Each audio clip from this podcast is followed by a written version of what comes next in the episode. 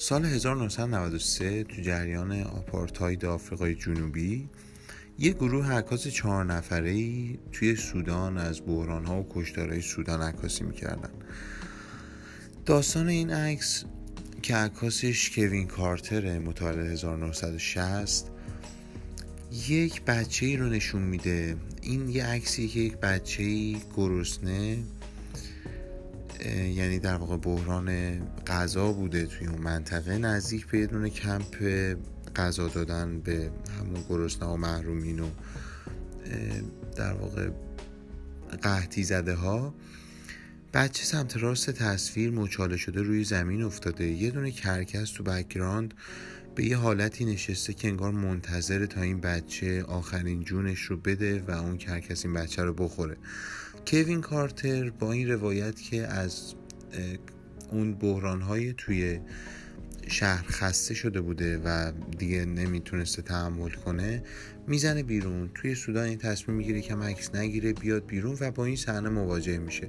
به واسطه اینکه به اینها گزارش داده شده در واقع بهشون گفته شده به ژورنالیست ها و عکاس ها که با قحطی زده ها و کسایی که توی کمپ ها نگهداری میشن هیچ گونه ارتباط فیزیکی نداشته باشین.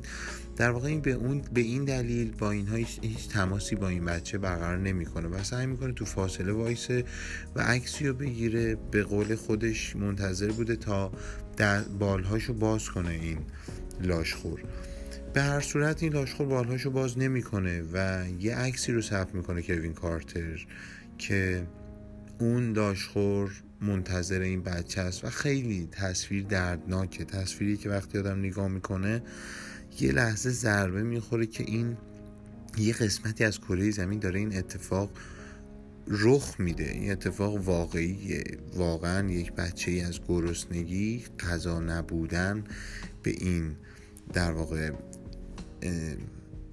حادثه منجر شده رسیده.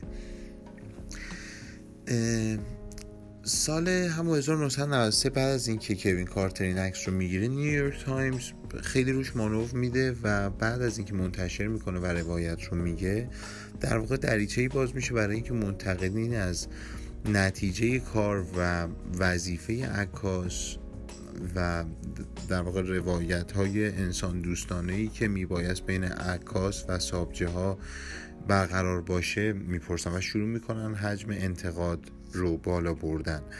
در همون حین پولیتزر جایزه عکس سالش رو به این عکس اختصاص میده و خب میدونیم که پولیتزر و این دست عکاسان همیشه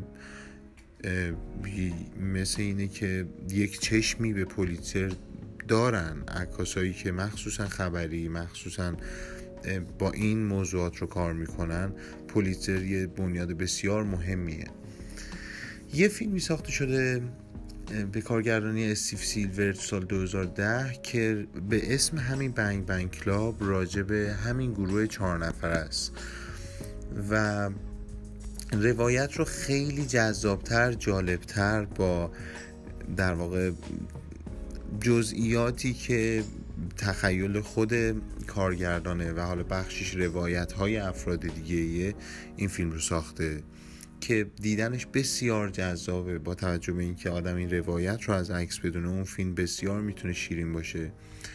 ولی اتفاق دیگه اینه که اون بچه 14 سال زنده میمونه و 14 سال بعد بر اثر تب مالاریا کشته میشه میمیره.